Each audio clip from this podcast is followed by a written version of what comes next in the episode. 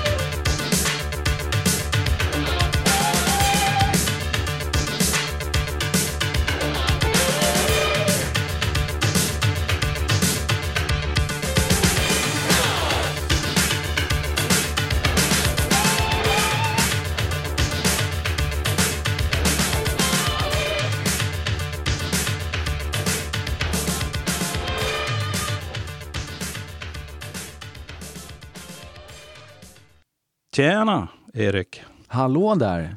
Välkommen till Tyresö Radio. Ja, tack så hjärtligt. Tack för att jag fick komma. Ja, det är bara kul. Verkligen. Vem är Erik Åkerberg? Ja, men jag är fan, jag är, jag är bara en vanlig kille liksom från Stockholm eh, som eh, ja, men gillar äventyr. Ja. Och ett äventyr finns ju runt hörnet. Liksom. Det behöver inte vara cykling, klättring, bara röra på sig, vara ute. Så. Exakt. Mm. När började du med äventyr då?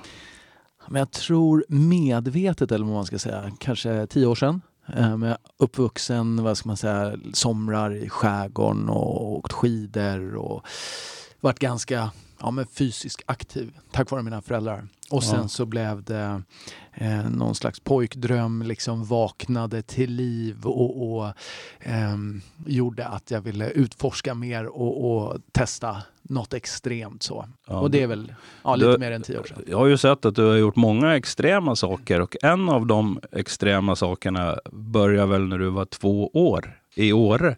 Ja men det stämmer. Eh, Jag åkte ju skidor i Åre. Ja. eh, Där mina föräldrar var lärare och tog mig med och åkte skidor. Åkte, åkte skidor flera veckor om året och där ja, men nu utvecklade jag en passion och kärlek för ja, men skidåkning, fart, eh, adrenalin antar jag. Och, ehm, men sedermera då bergerna. Så skidåkningen födde... Jag blev, ja, jag blev faktiskt väldigt duktig på skidåkare. Jag åkte ganska extremt. Och, eh, men sen blev jag liksom mätt på det. Okej. Eh, Men jag ville liksom vara kvar i det äventyrliga och Ja. fartfyllda och, och Och- bergerna. Det äventyrliga då, det blev alpin klättring på hög höjd. Ja, alltså jag ville ju vara kvar i bergerna, inte nödvändigtvis ha skidorna med mig eh, eller på ryggen och, och hajka och peka på, ett, på en eh, liksom, sluttning och åka ner för den. Utan någonstans vill jag vara kvar i det miljön, det fysiska och, och ja, men stå på toppen. Liksom Mm. klättra upp för, för berg. Och då sa jag, eh, vad ska man säga, naivt eh, till mig själv, så, här, "Nej, men jag, jag, jag vill klättra berg, höga berg och, och, och man börjar ju oftast eh, med det högsta. Eller så här, det känner man till. Kanske Kebnekaise i Sverige och sen Exakt. världens högsta berg. Men eh, hur gammal var du när du liksom gav dig på Kebnekaise? Ja, första gången var jag, eller första och enda gången var jag 18, nej, 22. 22 tror jag. Okej. Och det är tio år sedan? Det är eller? många år sedan. Är det det? Det är många år sedan. Ja. Så jag känner mig ung i sinnen men fan jag får eh, kråkfötter ut med ögonen och, och, ser äldre och äldre ut. Men Ja. jag, jag bibehåller ungdomlig sinnelag. Jag känner igen mig mycket i det. Liksom. Man vägrar bli gammal. Ja. Det är bara när man, som jag, liksom har blivit, eh, eh, fått barnbarn. Ja. När jag träffar dem, då, liksom, då kommer en känsla att jag är jäkligt gammal. Men den försvinner fort. Men du, alltså, du snackar om att stå på toppen och sådär. Jag läste någonstans att du även har stått på toppen i mäklarbranschen. Ja, jag, jag jobbar ju som fastighetsmäklare så det är ju Ja.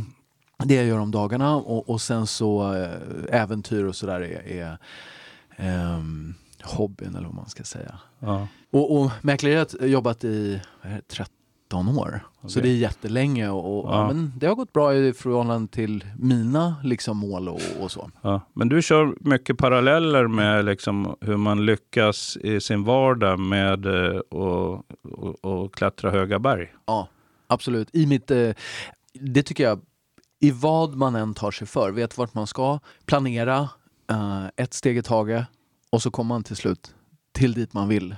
Mm. Om man vet att man faktiskt verkligen vill dit. Mm. Um, så att eh, i, i jobbet, i vardagen, med familjen och, och med träningen och, och, och med, med mm, ett äventyr eller det, vilket liksom alla har ett Everest i sig. Man måste bara ta reda på vilket det är tror jag. Exakt. Och vart det är. Det kan ju vara Exakt. vad som helst. Som jag brukar förklara när jag var på Everest 2010 Ja. Och folk tyckte det var jobbigt så var det minst lika jobbigt för min fru Mm. som hade sitt Everest hemma med Mm. fyra barn. Som inte visste vad som pågick där. Och, Exakt. ja. Ditt första höga berg, det var Elbrus. ja men stämmer, Ryssland. Elbrus, eh, första, första eh, ja, men, stora äventyr känns som. Mm. Och störst, för, första höghöjdsberg och, och läskigt. eh, Men jag visste, jag ville dit. Ja, men hur kom du, hur, hur fick du liksom idén att du ville åka dit? Alltså, Elbrus eller Everest? eller? ja, nej, jag tänker på, vi börjar med Elbrus och eh, det är liksom, det är egentligen inte så många som vet att det är Europas högsta berg och sådär. Det jag vill komma åt lite, det är liksom så här, eftersom vi gillar ungefär samma saker, fast vi kanske har olika strategi sådär, hur man planerar sina berg. Mm. Om man planerar i tysthet själv, i god tid, man liksom läser på, skannar Mm. nätet och sen börjar man planera innan man börjar berätta. Ja. Vissa börjar prata direkt med kompisar och få sin inspiration den vägen. Ja. Så vart får du din inspiration ifrån? Hur gör du? Men det första berget, där var det ju eh, bara, tror jag faktiskt, dels Seven Summit, den högsta, högsta punkten på varje kontinent sådär. Och sen så var det nog dels en ekonomisk fråga.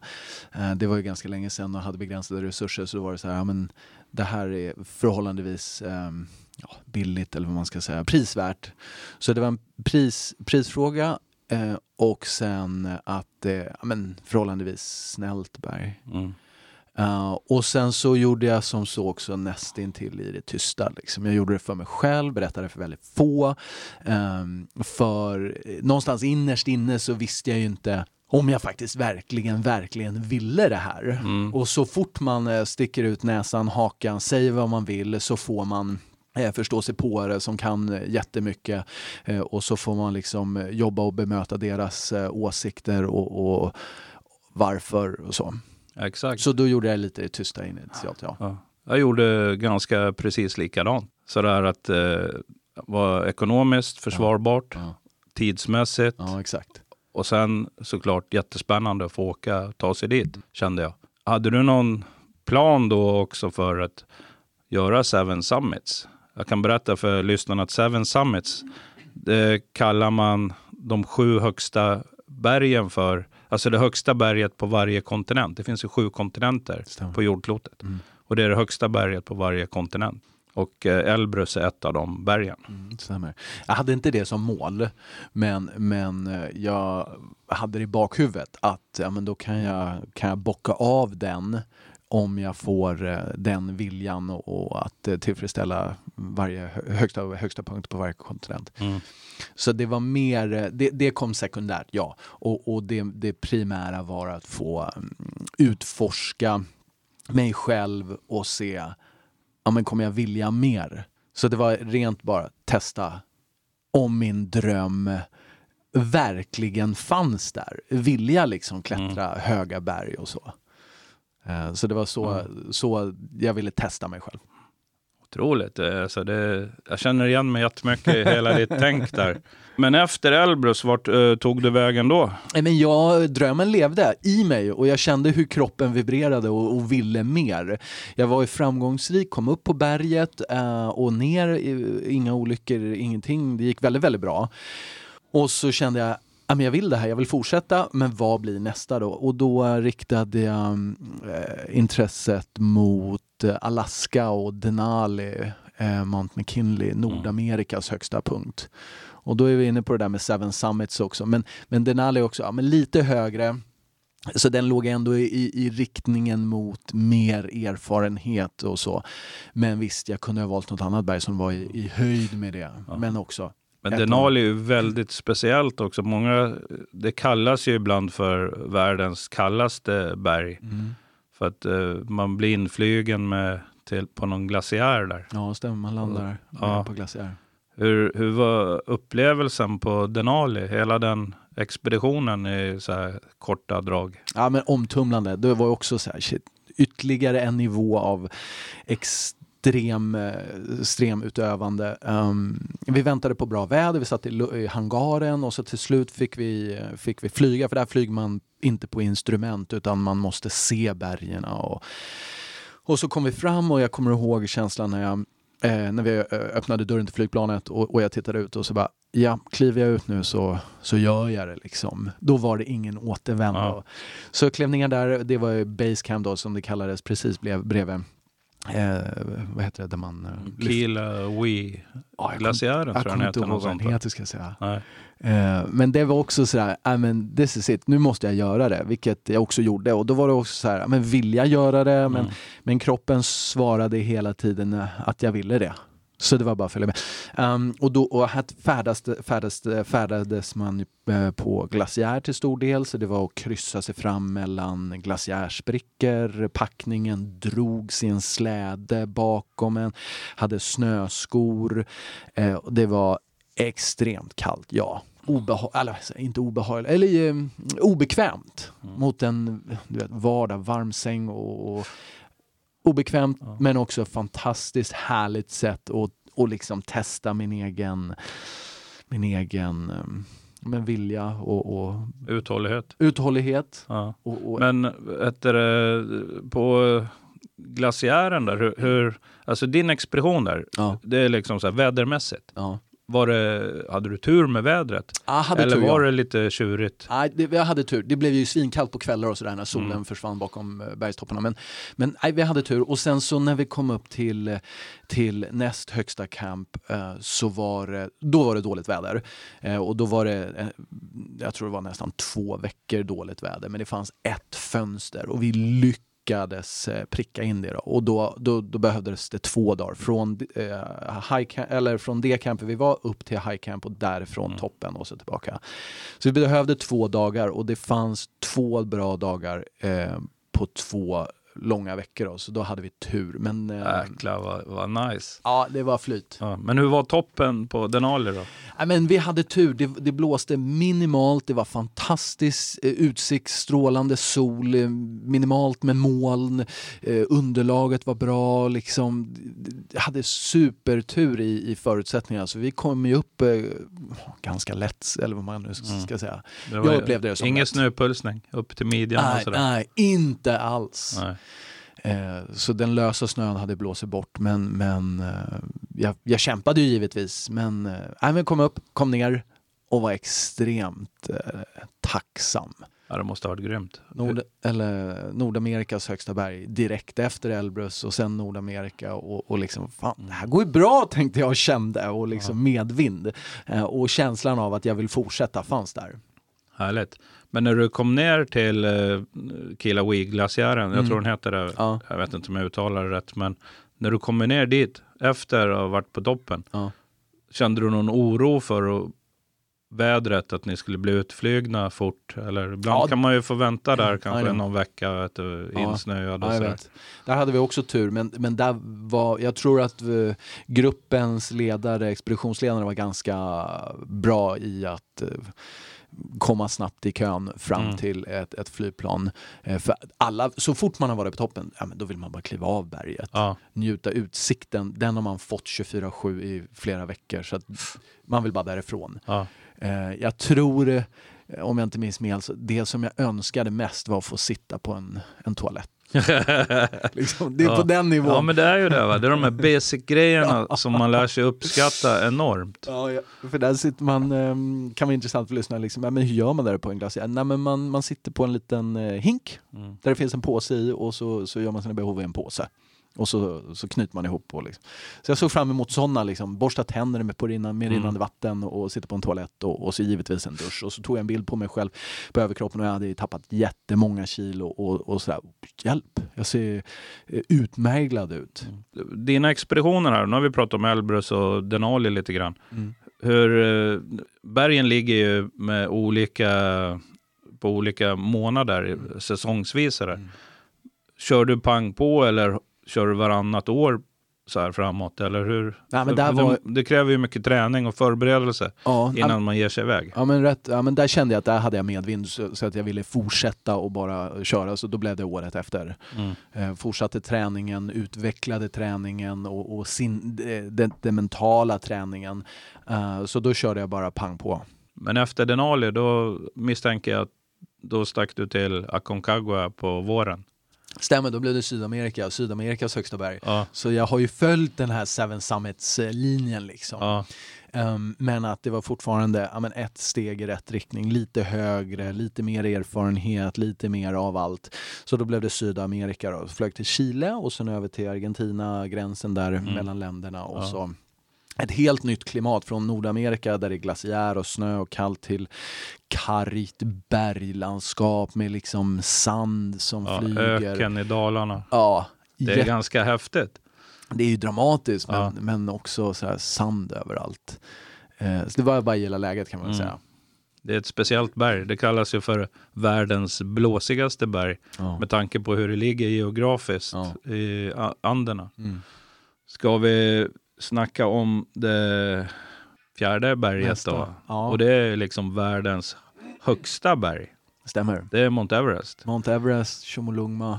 Ja. ja. Ja, det var det där och då i, i, eh, i, Sydamerika så kom jag faktiskt inte upp till toppen. Vi kom upp ja. till nästan eh, strax under 7000 meter. Det blåste enormt, väderfönstret stängdes eh, och, och vi blev tvungna att vända, klättra ner. Men där föddes ändå känslan av att fastän jag, jag är stark i sinnet, jag är stark fysiskt um, och jag tog hjälp av de som jag har i mitt nätverk för att fråga liksom, ja, men är jag redo för nästa berg? Liksom, mm. Vad är högre än det? Men då, då var Everest närmast då. Ja. och då kände jag, ja Nej, men jag är det. Jag är mentalt. Jag tog hjälp av uh, sakkunniga liksom, och inspirerades av andra och, och, och, och det, då puttades uh, pendeln över liksom, till att uh, Everest blir nästa. Mm. Ja, det var, jag var ju på Aconcagua 2020 och mm. uh, jag hamnade väl ungefär i samma situation eftersom det börjar rätt vad det blåsa och då blåser det inte lite. Nej, no. Det är liksom orkan.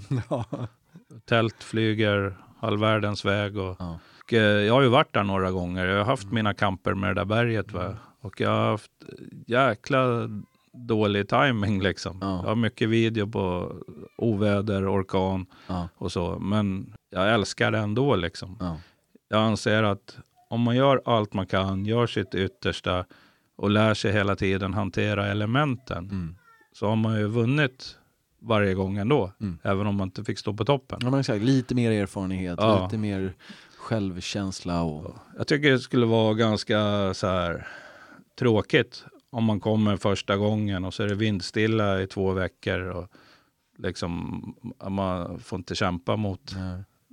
elementen mer än höjden liksom. Ja, jag fattar vad du menar. Så, men eh, det är ett väldigt speciellt berg och i och med att jag har varit där ett gäng gånger så har jag med jämna, det har gått några år emellan varje liksom, mm. så har jag sett hur naturen förändras. Mm. Och där kan man verkligen se att klimatet har förändrats. Va? Ja, du nämnde det. För att eh, i Plaza de Mulas, när du var där, vilket år var du där? Oh, det här är ju dryga tio år sedan. Mm. Kommer inte ihåg exakt. Då, för tio år sedan, då fanns det ganska mycket sådana här penitentelse. Mm. Och hotellet var öppet säkert. Ja, ja det var det. Och snö fanns det. Ja. Alltså, nu finns det inga penitentes kvar, när jag var där. Mm. Och det tar flera hundra år för dem att bildas. Det var ju liksom en skog med penitentes. Man gick så här zigzacka mellan ja. upp till hotellet. Precis. Hotellet finns, ja det finns men det är stängt. Ja. Det, är så här, det är bara druckel. Ja. Så det var tråkigt. Och sen eh, nu när jag var där då 2020, då många vattendepåer har försvunnit. Det var så torrt. Så rena öken. Mm. Ännu mer öken, ännu mer sand. Mm. ja, men man behöver ju vatten. Ja. Och får man inte det så kommer det bli ja. Men det som var lite intressant, det var ju att du har Aconcagua kvar, liksom jag. Ja, men så exakt. Vi, vi kanske, kanske kan slå ihop våra påsar du i framtiden. och jag cyklar.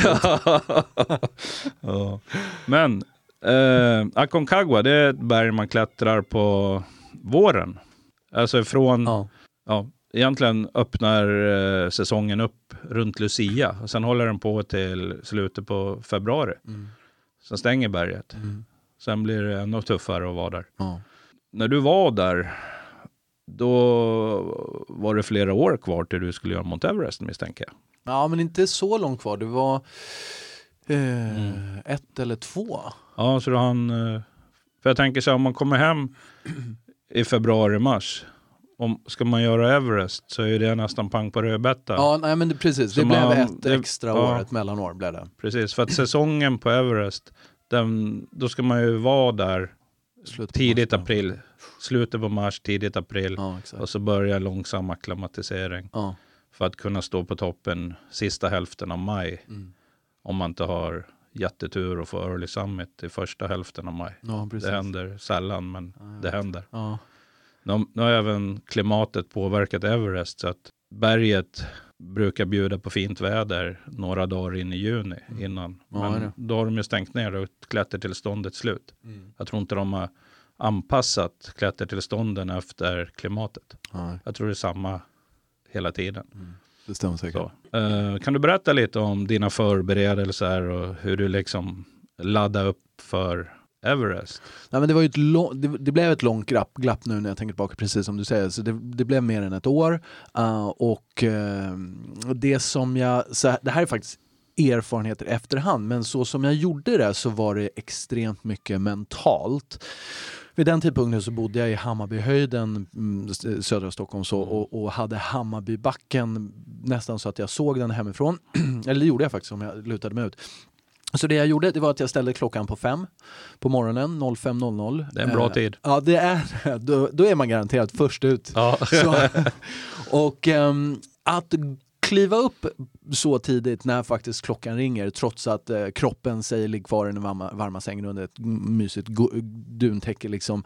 Att kliva upp där då byggde extremt mycket mental styrka.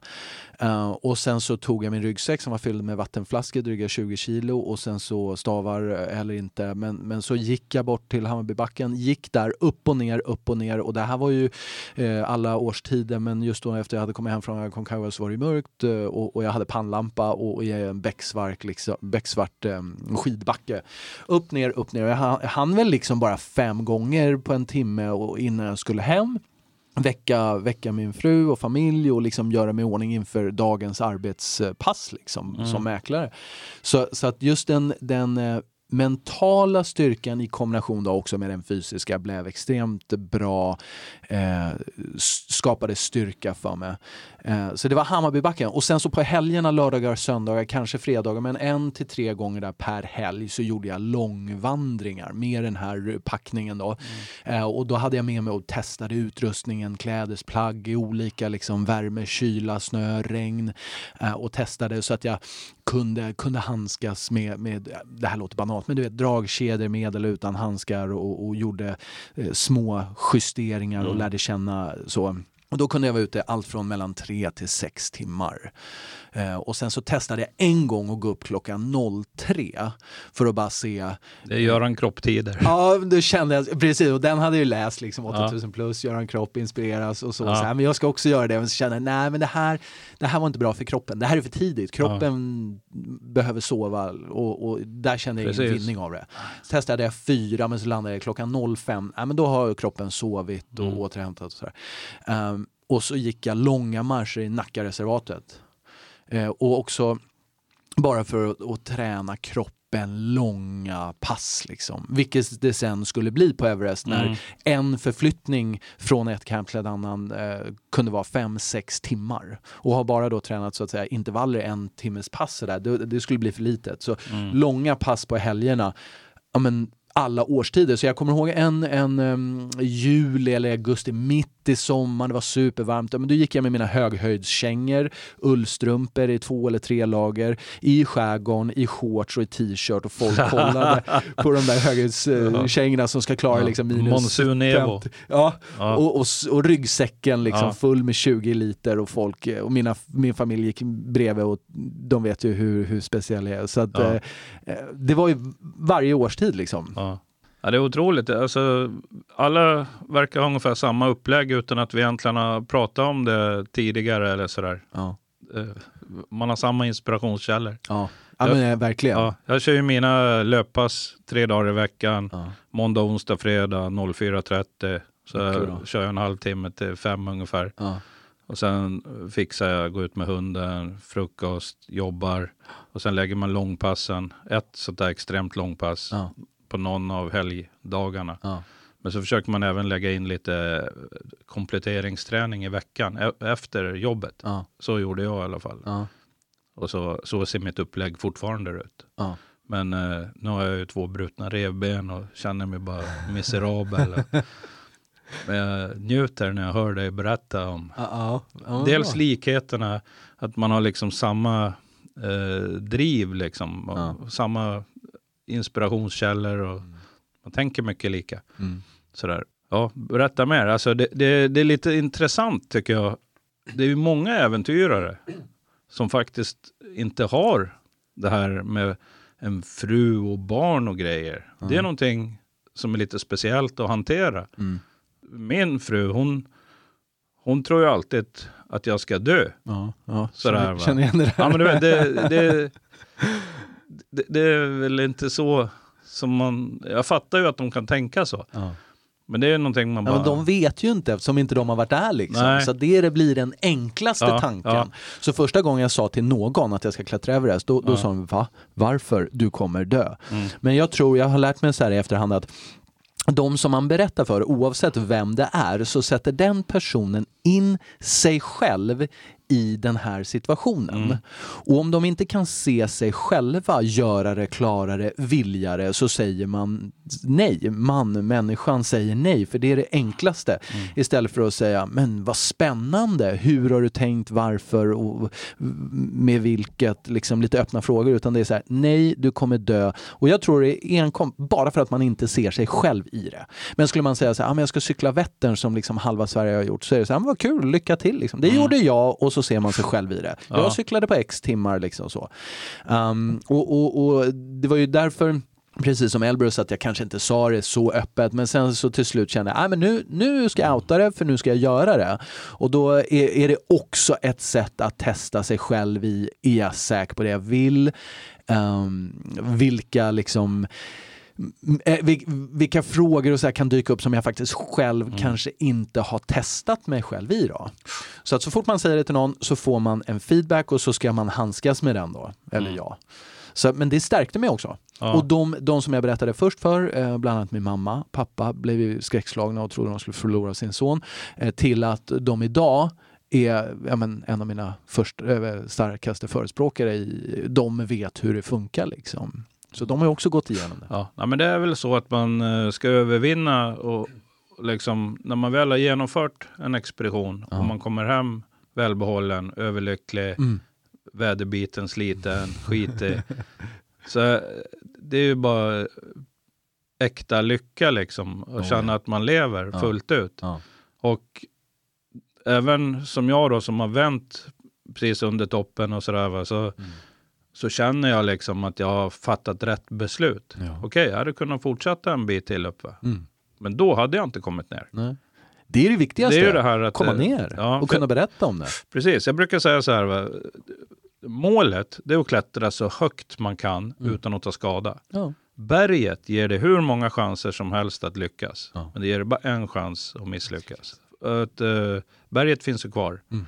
Och, sådär. och man kan åka tillbaka. Mm. Och, eh, och det tror jag kan vara ja. det viktigaste beslutet i att faktiskt göra ett andra försök eller ett tredje försök tills man har hittat mm. en annan mening med varför man förtar sig de här sakerna. Så jag, första, då när vi, när vi skulle till Everest, då var vi där då 2015 och då blev det den här jordbävningen ja, där det. som skakade hela området och det var dryga 10 000 människor som dog och, och, och de stängde berget mm. och, och, det som jag såg var ju eh, alla liksom mina pengar som försvann. Sådär. Jag skulle inte ens få testa berget. Ja, det uh, fattar jag vilken besvikelse. ja. Men då var jag också så här, men berget står kvar, gör det igen så och då eh, gjorde jag det. Och så det är jag jätteglad för så här i efterhand att jag faktiskt beslutade mig för att göra det. Jag kunde ha nöjt mig med att ja, jag försökte fast det gick inte. Mm. Eh, men, men drömmen, visionen och energin i kroppen var så levande och kvar att jag sa till mig själv och med tillåtelse från teamet att vi skulle göra det igen. Nu blev det två år senare, så 2017 mm. då. Och sen så blev vi ju framgångsrika och det är ju också i väldigt, väldigt ödmjukt tacksam inför att ja, men vi, vi, vi lyckades. Mm, men hade, hade vi inte feeling. testat? Ja, ja men verkligen. Mm. Från den där liksom nederlaget i att det inte gick eh, till att, äh, vet du vad, jag tar mig kragen i och gör det igen. Mm. Eh, så det är jag så, så tacksam för. Och sen att det gick vägen då, ja. självklart. Hur var vädret 2017? Nu, det var skitbra. Det var jättebra. Nej, vi hade världens tur. Um, när på toppdagen till exempel mm. så, så gick jag, jag tog av mig handskarna tidvis och så kände jag att det här var lite svalt. Så jag mm. hade bara linervantar, de tunna liksom. Och sen så hade jag de stora ovanpå det. Men de tog jag av mig ibland. Jag öppnade min dundräkt lite för att det blev för varmt. Så vi hade jätte jättetur med vädret. Eh, sanslöst. Det var bara liksom minus 10 dryga. Ja. Nästan ingen vind. Jag hade föreställt mig minus 40 grader, eh, snöblåst, is, eh, stora som snöbollar slår i mm. ansiktet. Mm. Liksom. Men äh, det blev inget av det. Så jag tror förberedelsen fysiskt som mentalt gjorde mig stark i att eh, um, stå på berget och sen så när det inte blev så, ja, men då kändes det ännu lättare. Mm. Och säga lätt är ju oförskämt sådär. Ja. Liksom. Men nej, det, det funkade extremt ja. bra. Ja men det underlättar ju liksom. Det är ju liksom de här parametrarna. Man ska vara frisk, ja. man ska vara stark, man ska ha motiv vara motiverad. Va? Mm, Sen, måste, sen är de andra grejerna, det är liksom att vädret ska vara hyggligt. Va? Ja. För att om vädret bråkar, spelar ingen roll hur stark och motiverad Ja, och hur frisk du är. va? Ja, precis. Det är massa element som man inte kan bestämma. Ja. Så fort det börjar blåsa, liksom, då får du ju de här problemen sen när du går uppför. Mm. Solen skiner, det är 40 grader varmt. Mm. Och så hör man, som jag hörde på, kom på glaciären, så här, små isbitar så här, tick, tick, tick, tick, tick, tick, tick, när det blåste uppifrån ner. Så bara skär i ansiktet.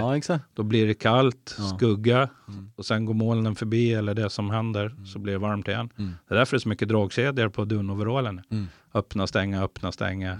Och tänk om en dragkedja går sönder. Och Ja. liksom, ja, men vad fan, jag tror många gånger att små saker kan göra att man kanske behöver vända. Ja. Och, och utrustning. Detaljer. Ja men exakt. Detaljer är jätteviktigt.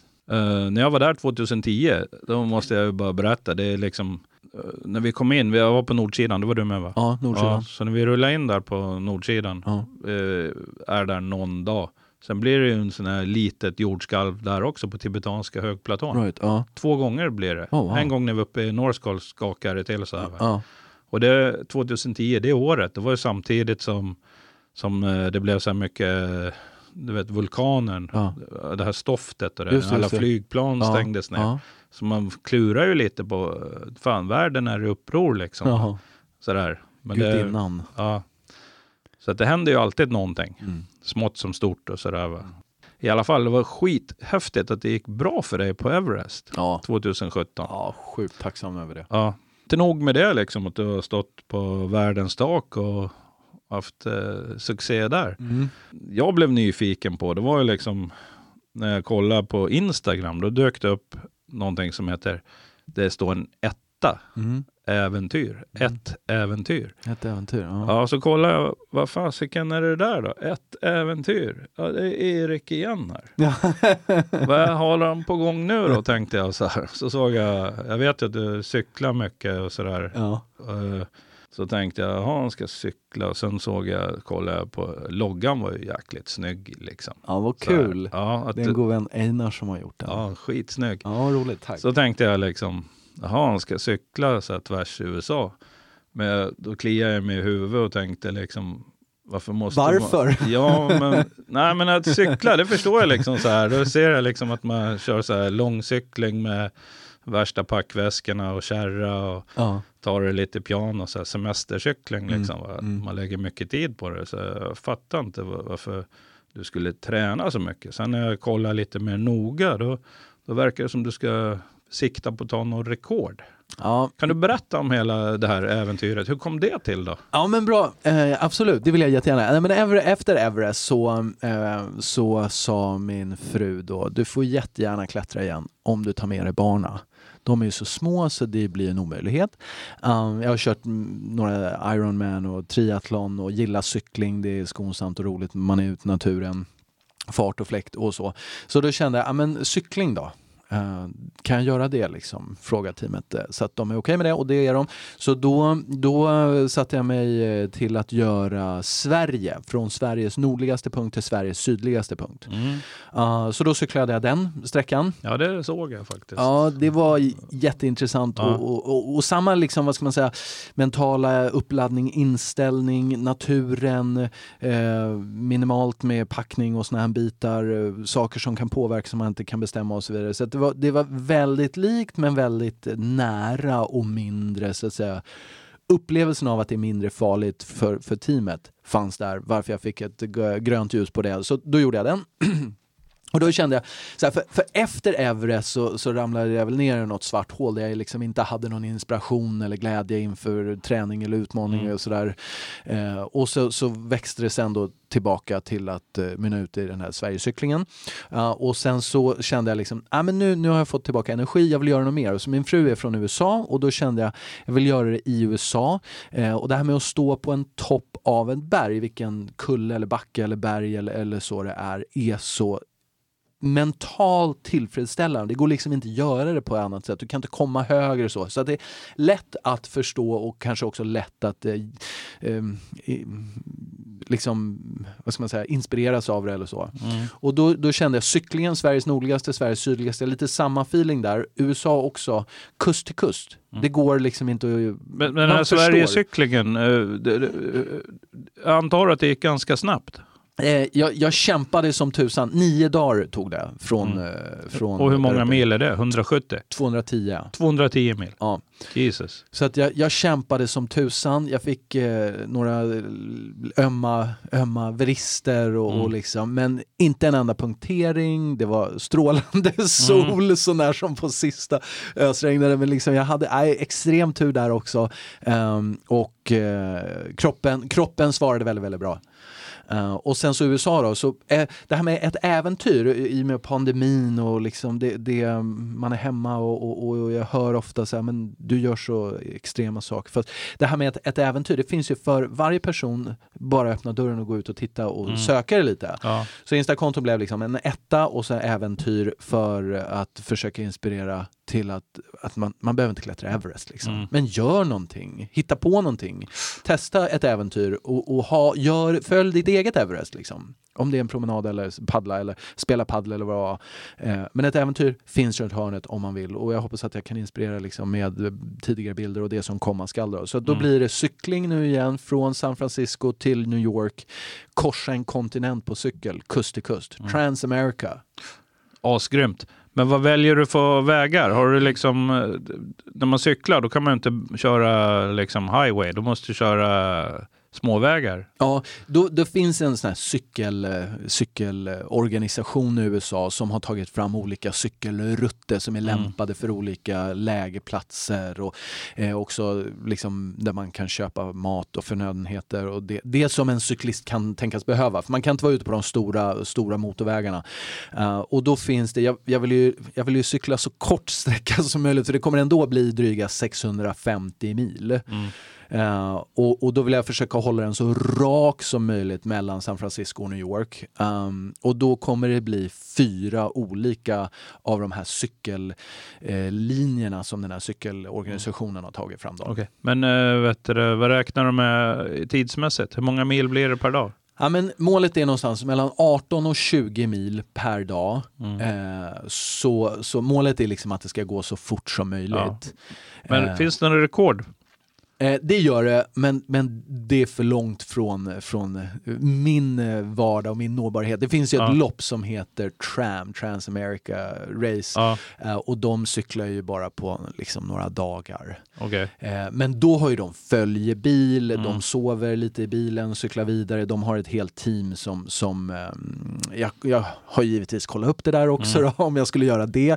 Men det var liksom belopp eh, för att delta som inte ens var intressant att Okej att lägga. Har du någon medcyklare? Ja, det har jag. Så att, eh, jag har ju frågat, varenda gång jag ska göra någonting så har jag frågat eh, men olika valda vänner eller sådär. Så, men, Mm. Hänga på liksom och, och alla bara, ja men kul, fast det blir aldrig någonting av. Men Nej. nu har jag en god vän, Kalle, Okej. eh, Karl-Johan, så han ska hänga med. Så vi är två stycken som ska göra det. Och det känns jätteroligt. Det är en av mina äldsta kompisar Mm.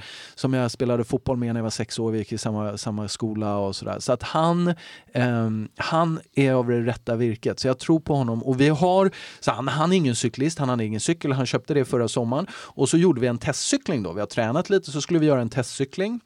Så då cyklade vi Stockholm-Malmö på två dagar. Eh, och då satt vi upp och, och, och kämpade och vi körde Stockholm-Jönköping, det är 34 mil. Det tog 17 timmar och jag kände bara hjälp. Men det gick, vi jobbade bra tillsammans, vi kunde ligga på rulle, vi hade kul, vi, vi, vi, eh, vi pratade på ett bra sätt som gör och kände så här, "Ah, men det här kommer gå bra. Det här kommer gå bra tillsammans. Fan vad grymt. När man cyklar genom USA där liksom, Ja. där är det också så här olika klimatzoner och grejer. Ja, det är det. Kommer du lägga någon tid på så här? Har du några, kommer du att göra någon videoblogg och grejer ifrån och typ gammal nedlagd eh, vilda västern by eller något? Jag antar du cyklar igenom sådana här eh, Ja. övergivna Ja, byhålor och sånt. Och men dokumentation kommer ju vara faktiskt ganska mycket fokus den här gången, vilket det inte Mm. liksom har varit på de tidigare explanationerna. Så, så att jag har en drönare, vi ska söka liksom schyssta miljöer och natur liksom, och, och, och fånga de här bitarna på bild och rörlig, rörligt då på, på Insta-kontot. Då. Mm. Så drönare, stillbildskamera, mycket kommer faktiskt vara via eh, mobiltelefoner men de funkar väldigt, väldigt bra idag. Eh, och sen har de funktionen av att kunna ringa om man skulle behöva hjälp.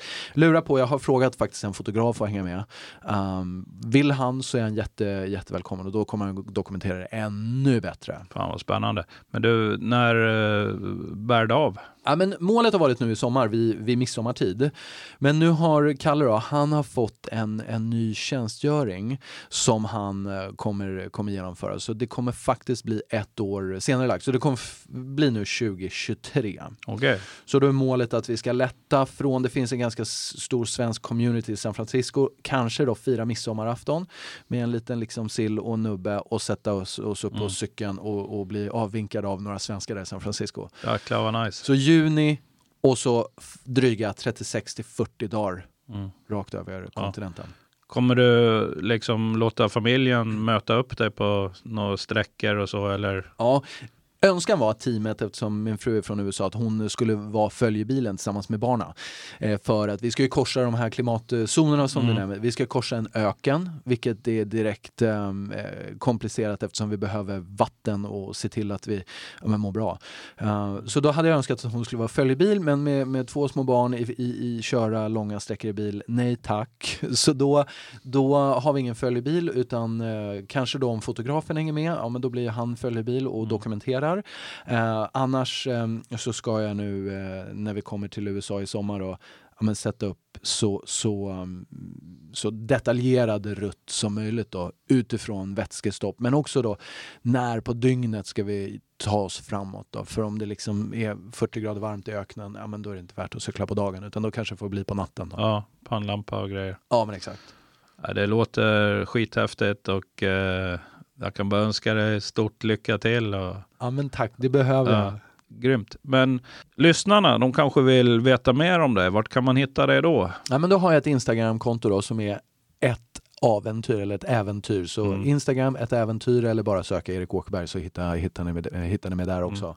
erikåkerakerberg.com. Ja, precis. Där har jag också en webbsida, erikakerberg.com Mm. eh, som är då äventyr och arbetsrelaterad och, och eh, på top of, top of your mind har jag också eh, ett Instakonto Ja. och där hittar man mer av Everest och de tidigare äventyren. Jag tänkte fråga dig var du fick namnet Top of your mind ifrån. Mm.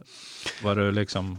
Ja, men det var ju länge sedan när liksom inte, eller vad heter det, Instagram var nytt. Så där, då ville jag, hur, ska de komma ihåg mig då? För, för det Instakontot startade jag faktiskt eh, arbetsrelaterat sådär. Hur ska man komma ihåg? Fan, jag vill försöka vara top of your mind. Top of Mm. mind. Vänta, top of your mind. Mm. Så det var så att man försöker komma ihåg. Och sen så har jag använt det då i yrket. Så här, men Everest, top of mind, komma ihåg. Så kommer upp lite lägenheter ibland Ja, och sen lite äventyr. Precis. Ja, men det är min personlighet liksom. Ja. Jag, jag, jag, är en, jag, är, jag är inte en mäklare. Jag är Erik, jag jobbar som mäklare Mm. och, och eh, tycker äventyr är jäkligt kul. Det får vara slutorden för Verkligen. den här intervjun. Och tack för att jag fick komma hit. Ja, Ja, stort tack för att du ville komma. Ja. Det var riktigt kul att få prata med dig. men verkligen. Jag Lycka kommer gärna till. tillbaka när, när, när vi har gjort det så får Ja, mer eh, in, input då. det låter bra. Bra. Ha det fint. Detsamma. Tack för idag. Tack.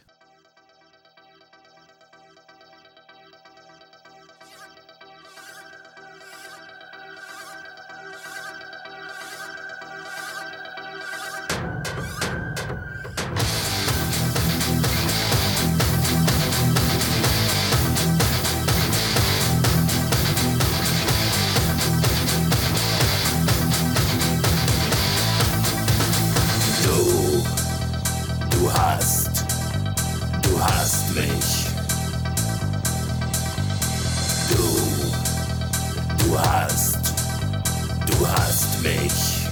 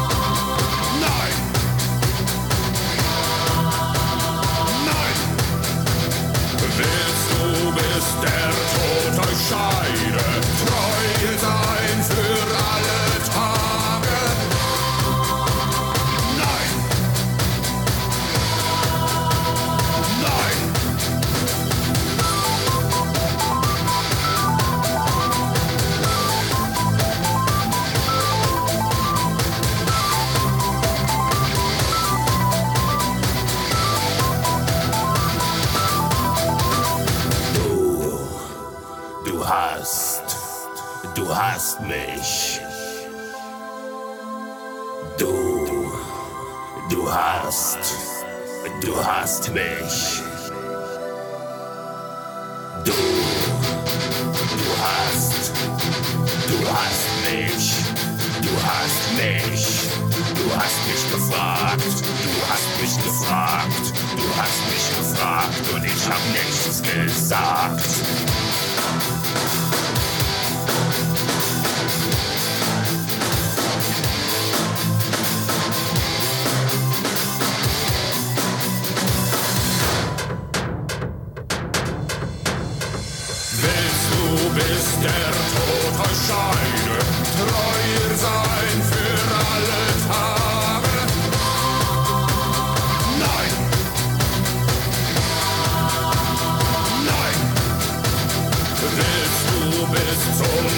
der Scheide. Sie leben auch in schlechten Tagen. Nein! Nein! Willst du, bis der Tod euch scheiden, treue Wahl?